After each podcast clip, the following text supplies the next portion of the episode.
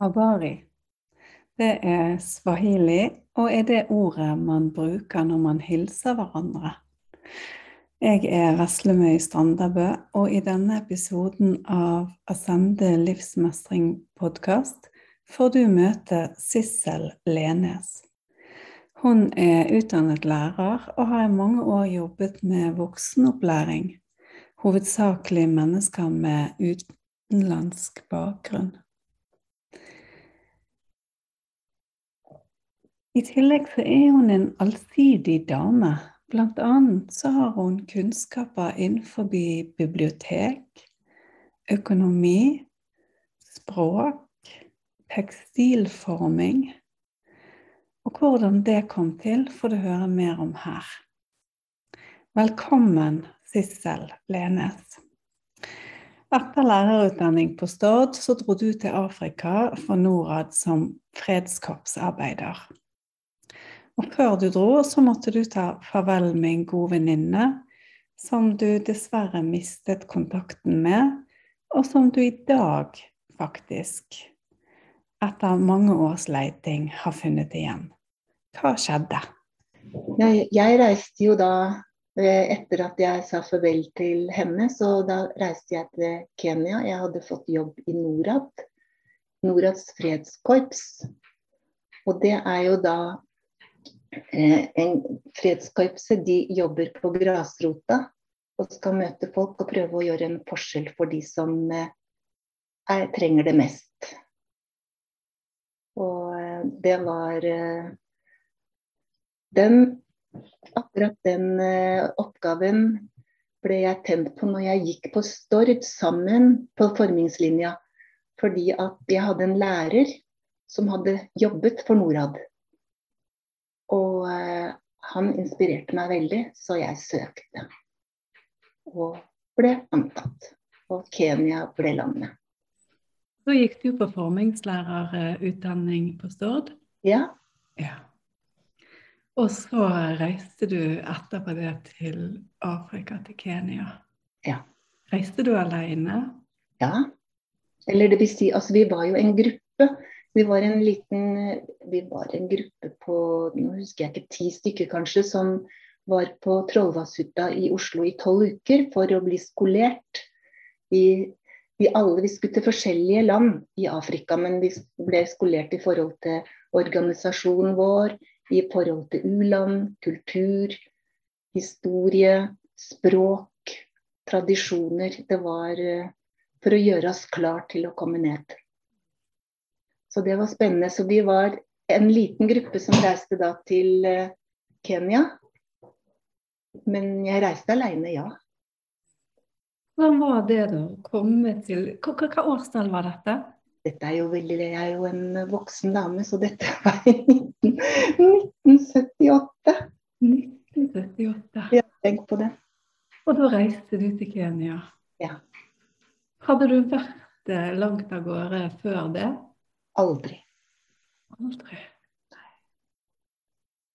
Hvordan var det da å komme til eh, Kenya med kulturforskjell og klimaforskjell? Og Nei, kulturforskjellen var jo stor. Altså det var jo Jeg ble jo da eh, For det første så var det stor forskjell i landet, altså på de rike og fattige. Det var jo veldig stor forskjell på rikdom og fattigdom.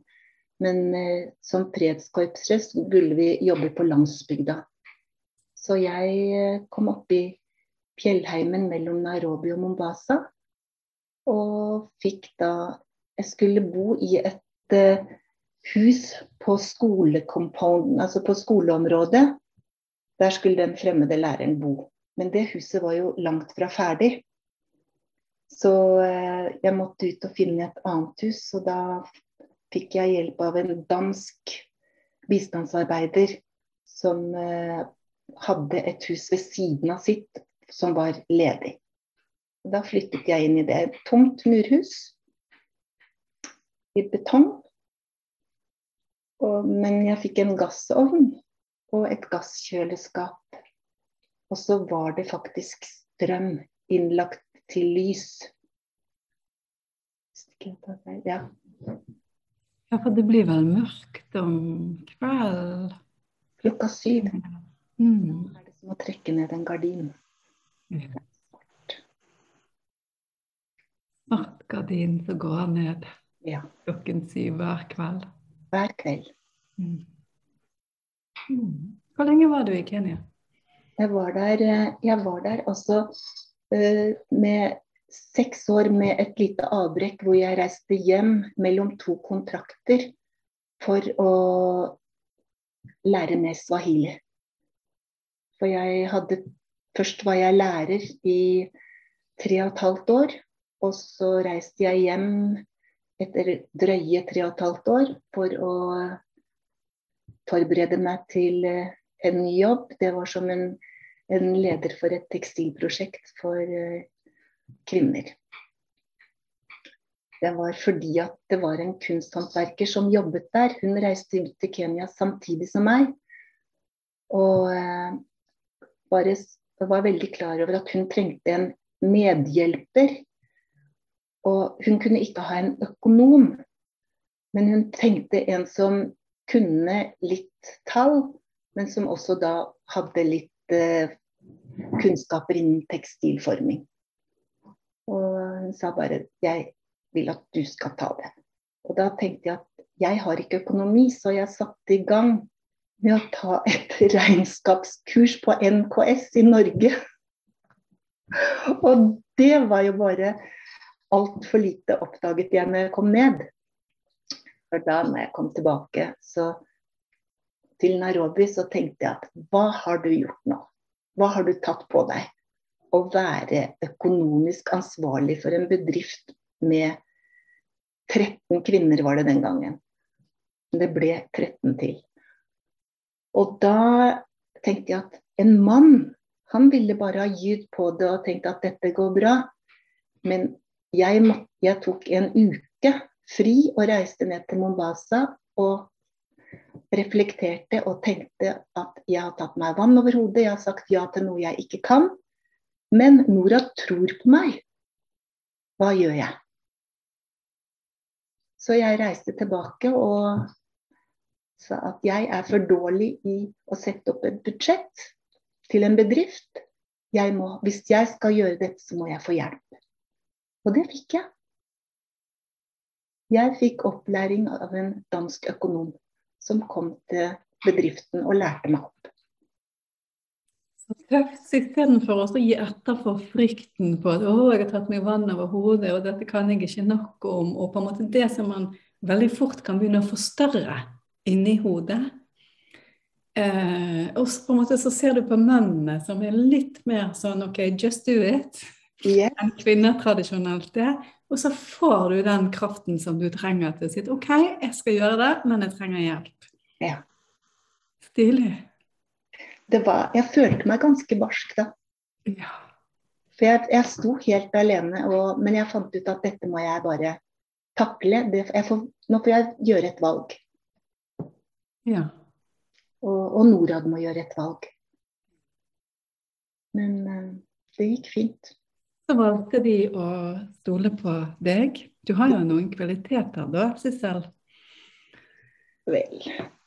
Vel. Nei da. Jeg tror de fleste ville ha gjort det samme. Det tror jeg faktisk. For å bli gitt tillit er jo stort. Og da jobbet du i Kenya, Mm, oppe i fjellet. ja. Og hvordan var det? Og så skulle du undervise kvinner. Ja, altså nå, nå, eh, nå er det jo to jobber. da. Den første, der var jeg på en skole med 360 elever. Og eh, de hadde da ikke hver sin lærebok, sånn som det er i Norge. Jeg underviste de i matematikk, og de var 40 elever i klassen. Og de delte da lærebok. I den verste perioden så var det seks elever om én lærebok i matematikk. På et Det var barn. Hmm? Dette var barn. Dette var eh, ungdomsskole. Ja. Det var en mellomting mellom uh, ungdomsskole og videregående. Fordi jeg hadde besøk av forsøksgym som bodde hos meg en uke å, sammen med sin lærer. Det var seks elever. For å oppleve Afrika. Og da kunne læreren fra forsøksgym fortelle meg at pensumet som jeg jobbet med, det var altså siste år på ungdomsskolen og første år på videregående. Det var nivået. Så um, For det er jo litt annen, annen Det var britisk skoleform. De har jo vært britisk koloni. Og bøkene var på engelsk. Det statlige språket var swahili. Og språket til de som bodde oppe i fjellet, det var et lokalspråk. Så det var ikke lett for dem. Ser du fortsatt uh, noe av swahili-språket? bitte litt altså Det som litt, er litt spennende, er jo at jeg har jobbet med minoritetsspråklige i norskopplæring. Og når disse elevene som da kan swahili, kommer inn og setter seg, bl.a. veldig mange somaliere kan det, og jeg hilser de på somali, da legger de seg bakover og klapper i hendene av begeistring. Så det skal ikke så mye til.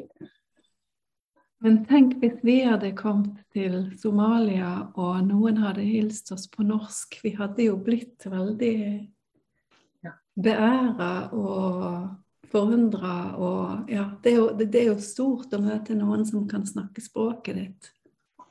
Ja, nei, det var, det var veldig kontaktskapende. Veldig. Hvordan hilser du på swahili? Da sier du habari. Habari. Ja, og så svarer du habari. Så svarer man Nsuri og habari yako. Nsuri. Og så går du videre til Det er en sånn frase du spør hvordan har du det, hvordan har barna dine det, osv. Og, og det som var magisk, jeg hadde en tre kilometer lang vei som jeg pleide å gå. Og alle du møtte på den veien, hilste du på i handa. Håndhilste. Og frasene. Enten du kjente de eller ikke. Hva møtte man med å hilse hverandre med hendene og komme med frasene? Ja. ja. Så eh, det var veldig spesielt. Mm. Hvordan ble du mottatt da når du kom som kvinne fra Norge? Eh, den var egentlig litt spesiell, den mottakelsen på skolen. Fordi altså, den skolen jeg jobbet på, var en såkalt harambe-skole. Og harambe betyr 'la oss løfte i flokk'. Og det som var spesielt da, var at de er jo, de er jo de er fattige skoler, de er ikke statlige. Og uh, det betyr at det er folket som Kvinnene hadde gravd ut grunnen til husene. De ble bygd på dugnad av penger og hjelp fra folket for at barna deres skulle få gå på skole.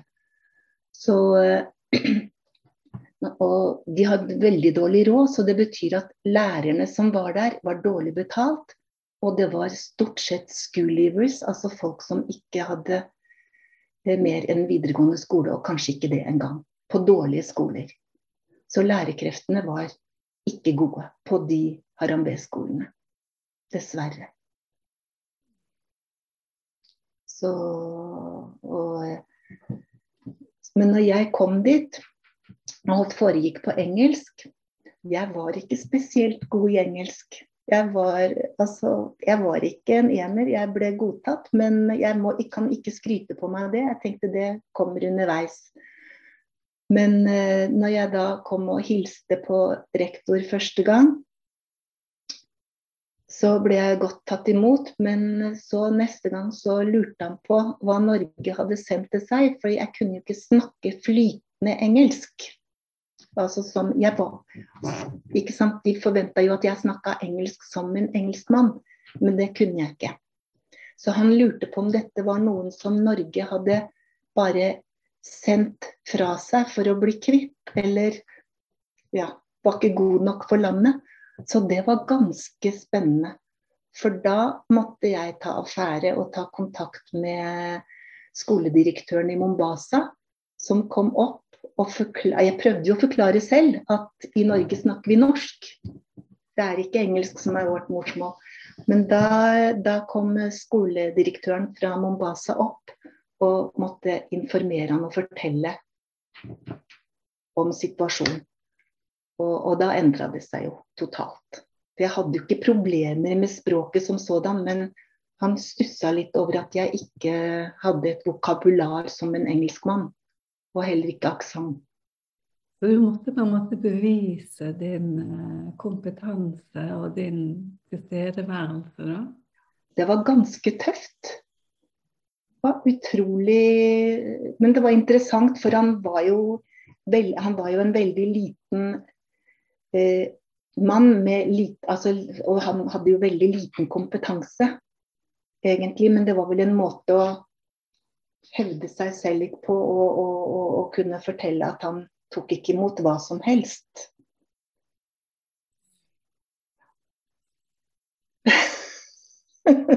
Så jobba du der på skolen. Ja. Hva gjorde du på når du hadde fri? Vet du, jeg jobba veldig mye. Altså, men skolesystemet var jo slik at du hadde tre måneder skole, én måned fri. Tre måneder jobb, én måned fri. Så det var fri hver, hver tredje måned. Og da reiste vi rundt i hele Kenya. For vi hadde tjenestebil som vi kunne bruke på den Som fredskorpser så hadde vi fri bolig og fri bil, og så hadde vi lommepenger. Så fikk vi en liten bonus når vi skulle reise hjem, for at vi ikke skulle stå helt på bar bakke. Men Det høres ut som du har hatt uh, utrolig mye eventyrlyst. Ja. Mm. Det har jeg hatt. Og så hadde jeg veldig lyst til å hjelpe. Altså det der å kunne bidra har vært veldig sentralt. Helt fra morsmelka av, holdt jeg på å si. Så jeg vokste opp med at vi sendte den gangen til Biafra. Mamma hadde familier i Biafra som hun sendte regelmessig pakker med klær og mat til. Og hvor vi som barn da fikk bistå med å gi fra av våre leker og våre ting og i det hele tatt klær. Du har på en måte vokst opp med det å hjelpe andre, og så tar du et valg når du er ferdig utdannet at du skal reise til et annet land å hjelpe, så ble det Afrika. Ja. Hva gjorde det med deg som menneske? Altså de, og jeg sier at eh, de årene i Afrika var helt fantastiske. Hadde ikke jeg truffet min mann der, som kommer fra Horten, så hadde jeg kommet til å blitt i, i hvert fall i Norad-organisasjonen. For det, det, var, det, var, det var fantastisk givende.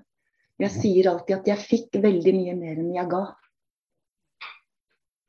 Jeg møtte mennesker som var De, de var nærværende, de, de, var til stede. Og de, de, hadde, de hadde så lite, men det de hadde, det delte de gladelig.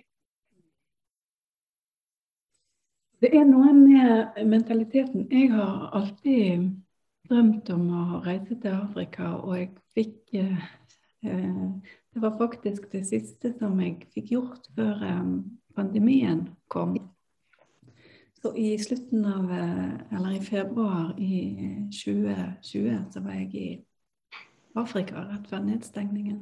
Ja. Og det som slo meg, det var på en måte at selv om det var fattig, og selv om det var slumaktig, og selv om det var støvete og skittent, og du så at mennesker ja, levde med i bølgeblikkhus og sånn som man på en måte har sett på TV opp gjennom årene, så var det allikevel noe med smilet i ansiktet og latteren og rytmen mellom mennesker som gjorde at jeg ble nesten helt forelska i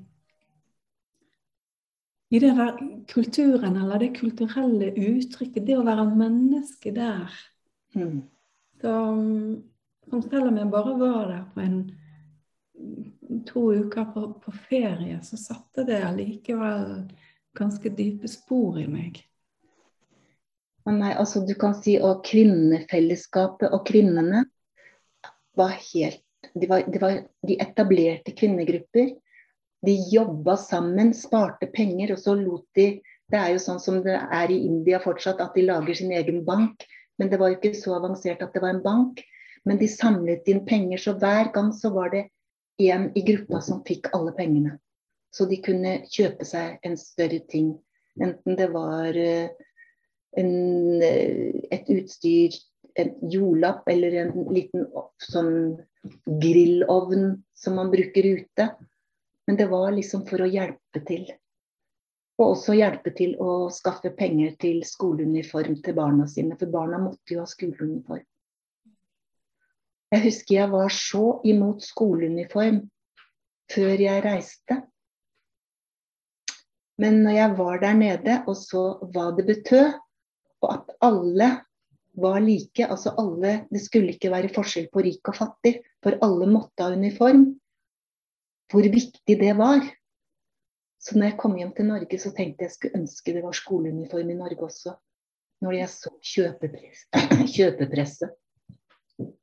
Dette her med å fokuset det tok fra ting som var viktig, i stedet for å, å, å, å ta til seg læring og være med, så var de opptatt av å se på merker og hva andre hadde.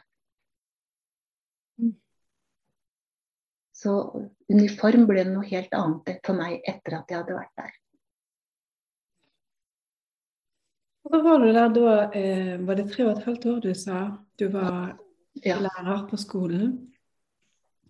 Og så dro du hjem en kort periode, og så kom du tilbake igjen. Var det til samme område eller et nytt område? Det var et nytt område. Det området som skolen var, det var oppe i fjellene mellom Nairobi og Mombasa. Eh, nærmere grensen til Tanzania. Og også nært kysten, selvfølgelig. Mombasa er jo kyst. Og så jeg kom, det var til Meru, som er på ved foten av Mount Kenya. Så det var mer oppe i fjellet opp, der var det mer fjell, altså høyere.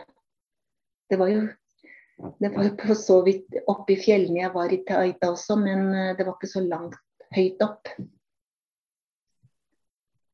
Men eh, jeg har lyst til å fortelle en morsom historie også. Når jeg var der nede i, i, nede i Taita, så var det jo Det var jo na fantastisk natur, men det var ikke sånn høye fjell.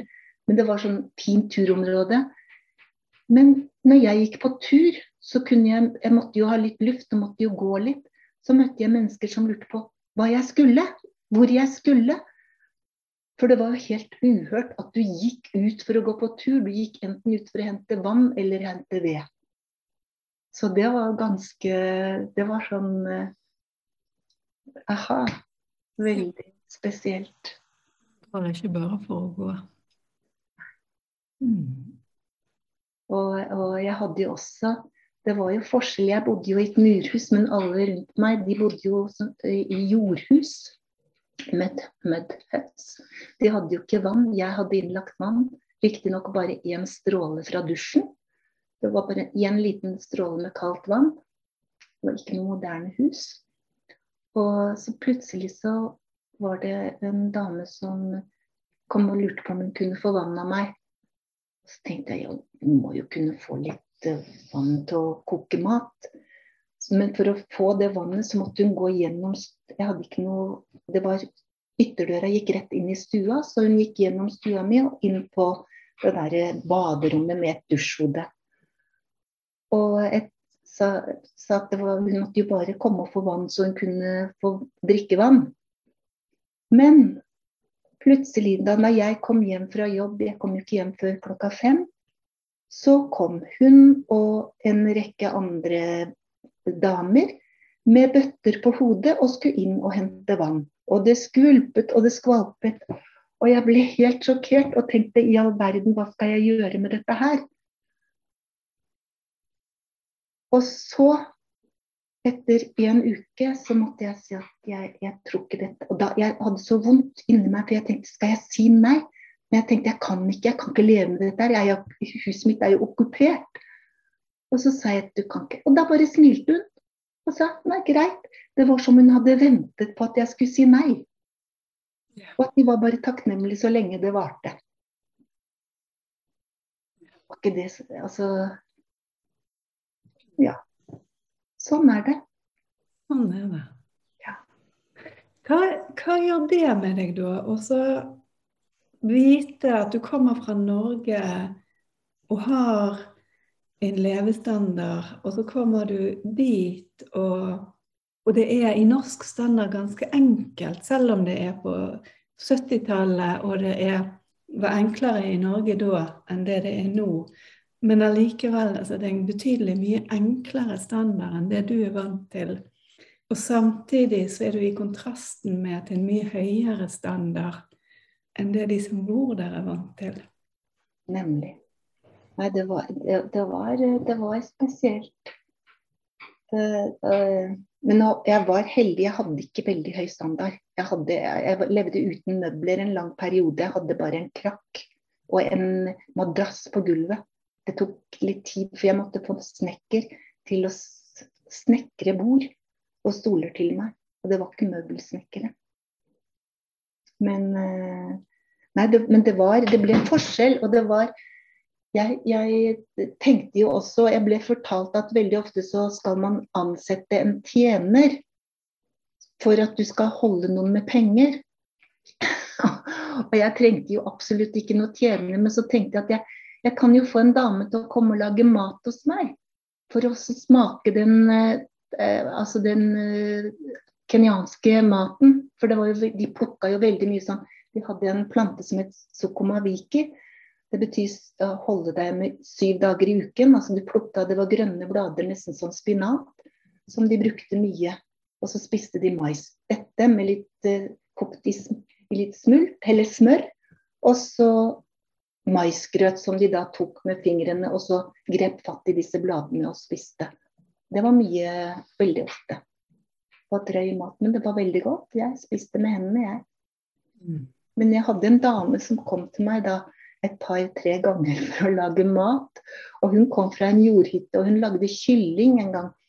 Og når vi satt og spiste, så når hun hadde spist av kyllingbeinet, og det ble en liten beinbit igjen, så spyttet hun på gulvet. For hun var jo vant til å bo et, på et jordgulv. Så hun spyttet alle bein og alle matrester på gulvet. Så jeg ble jo helt sånn forskrekka. Men det var en interessant opplevelse. Og det bevisstgjorde meg at herlighet Det er helt naturlig. Selv om hun hadde vaska det, eller kosta det gulvet før jeg kom, så var det jo bare å koste det igjen. Mm. Da måtte du på en måte eh, Du blir på en måte konfrontert med dine normer og verdier og deres normer og verdier, og på en måte hvordan verdier og normer er i kontekst. Ja. Altså, det, det, det var det, altså, jeg hadde, altså hennes, hennes, livsstil, som bodde i jordhytte Hun hadde jo ingen altså Hun hadde jo ingen, ikke noe forhold til et annet gulv enn et jordgulv. Så det å være på et murgulv, det betydde ingenting for henne. Altså Reint ble det allikevel, for hun postet det ut. Rett og slett. Altså det, men forskjellen var der. Du ble jo bevisstgjort. Så eh, Nei. Det, det, var, det, var, spennende. Og jeg var jo hjemme hos, eh, hos eh, Gikk med elevene mine opp i fjellet for å besøke familien. Og de jentene, de brukte jo ikke undertøy. Når de skulle tisse, så sto de og tisse. De løfta bare litt på skjørtene sine, og så tissa de. Og det var, det var, sånn Det var sånn det var. For det kosta for mye å ha undertøy. Og eh, når jeg kom opp i, i hjemmene deres, så, så, var det jo Da ble jeg servert mat sammen med far i huset. Det ble satt en stor gryte med mat på bordet, og de forsynte deg jo i tallerkenen. Store porsjoner. Og jeg hadde lært hjemme at man spiser opp. Tenk på de fattige barna i Afrika. Så jeg åt opp alt sammen til deres store forskrekkelse. For da kom det en like stor porsjon igjen. For der var kutymen at du la, når du var med, så lot du resten ligge. Motsatt. Altså til tross for deres fattigdom. Mens jeg spiste meg jo helt nesten forderva første gang dette skjedde. Men jeg skjønte jo at jeg kunne, jeg kunne ikke fortsette å spise. Det er jo litt spennende det der med de der usagte kodene som er, lever i ulike kulturer. Mm. Jeg husker òg det når, når, jeg var ung, og så bodde jeg i Hellas en periode. Og jeg er oppvokst med at det var høflig å si når noen spør om vil du ha, så er det høflig å si nei takk. Ja. Og så kom du der, og så det ble det skikkelig uhøflig å si eh, nei takk. For der skal man si ja takk for å ære gjestfriheten. Og det, det, er på en måte de der små tingene som da gjør at selv om du tror du er høflig sjøl, så er du skikkelig ubehøvla i ja. en annen kultur. Det er Ja, det er eh, Og, og du, jo, du skulle jo også være forsiktig med å se folk direkte inn i øynene. Ja. Men eh, Nei, det, det var eh, Men som hvit der nede, dessverre, så det fulgte jo penger med meg. Ja. Fordi at jeg representerte Norad, så jeg bygde jo et bibliotek på skolen. Og bygde klasserom. Altså jeg sier jeg, jeg fikk penger til det. Det var jo mitt ansvar at de ble forvaltet riktig. Så, så det var veldig spesielt. Men um, så på den måten så fikk du litt makt. Jeg brukte jo den litt spesielt i forhold til korporal avstraffelse. For det var det på skolen når jeg begynte der. Ja. Og de ble, pis, altså de ble, pisket i håndflatene hvis de og, i, Altså det var ikke store forseelser, det kunne være at de kom litt for sent, eller at de ja, ikke hadde gjort lekser. Og de kunne bli piska på ryggen og på rumpa. Og for meg så var det med kjepp var det helt, helt grusomt. Det var rektor som skulle da gjøre det, egentlig. Men det ble gjort av alle lærere. Så da bare måtte jeg gi beskjed at hvis dette fortsetter, så trekker Norad ut sin støtte. Da slutter jeg. Og pengene. Mm? Slutta de da? Ja. ja. Det er jo ganske sterkt. for Hvis ikke jeg husker helt feil, så var det i 1972 det ble forbudt med lov med fysisk avstraffelse av barn i Norge. Mm. Så det hadde jo ikke vært forbudt i Norge i så mange år. Det vil, altså, det vil si slutta og slutta. Vi fikk moderert det. Vi fikk moderert det. Altså de, de Det som de fikk lov til, det var å stå på kne ute, men ikke bli slått. Før så sto de på kne og ble slått. Så jeg, jeg må, de måtte ha en sanksjons... Altså de måtte ha en regel for å og, og, hvis de bare kutta tvert, så tror jeg de hadde mista grepet. Fordi det var så innarbeida. Ja, for det har jeg sett òg i forhold til eh, afrikanske foreldre som eller utenlandske foreldre som har kommet til Norge um, fra land der det fortsatt er vanlig med fysisk avstraffelse av barna. Og så kommer de til Norge og blir fortalt at det er ikke lov. Og hvis man gjør det, så kommer barnet til barna, og da mister man barna. Uh, og jeg har sett en del sånn litt stygge eksempler på hvordan det har ført til at foreldrene abdiserer litt som foreldre. For de mm. vet ikke hva de skal gjøre. De har bare skjønt at dette får jeg ikke lov til. Og så går man litt sånn for langt ut på den andre linjen, mm. eh, der barna blir si, de voksne i familien, eller de som styrer, og foreldrene ikke aner hvordan de skal være foreldre og være de som har ansvar for normer og forventninger. Og, ja. Ja, det, det, er akkurat det. Vi opplevde jo veldig mye av det på voksenopplæringen også. Og vi vi var jo forplikta til å, å informere altså, og, og, og, lære elevene om dette her, men det var jo skrekkelig vanskelig. Skrekkelig. Mm. Og, Nei, det er Det er jo noe med at man vil jo alltid forstå ting ut ifra sin egen kontekst og sin egen referanseramme. Mm. Absolutt. Og jeg tenker på for meg så var det jo et stort kultursjokk å komme til Afrika. Og det var et kultursjokk å komme hjem igjen etterpå. Faktisk. Fordi at, eh, at eh, Altså, og, jeg husker spesielt dette med, med bruk og kast. Og når jeg kom hjem, så var alle så veldig opptatt av alle disse tingene. Det var snakk om hva de skulle kjøpe neste gang. Altså, jeg, jeg syns det var helt, helt uholdbart å høre på. Jeg forsto det. Så da kommer du hjem igjen etter å ha vært i Afrika noen år og har utvida horisonten din. Mm. Um, opplevd masse, lært masse, og så kommer du tilbake igjen til Norge med nye øyne, og så får du et kultursjokk når du da kommer tilbake til Norge. Du, Sissel, Ja. det er utrolig spennende, eh, så vi må snakke mer om.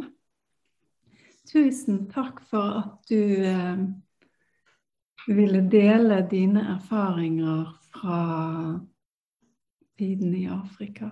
Og allerede fredag om en uke så får du høre mer fra Sissel og hennes eventyr i Afrika på seint 70- og tidlig 80-tall.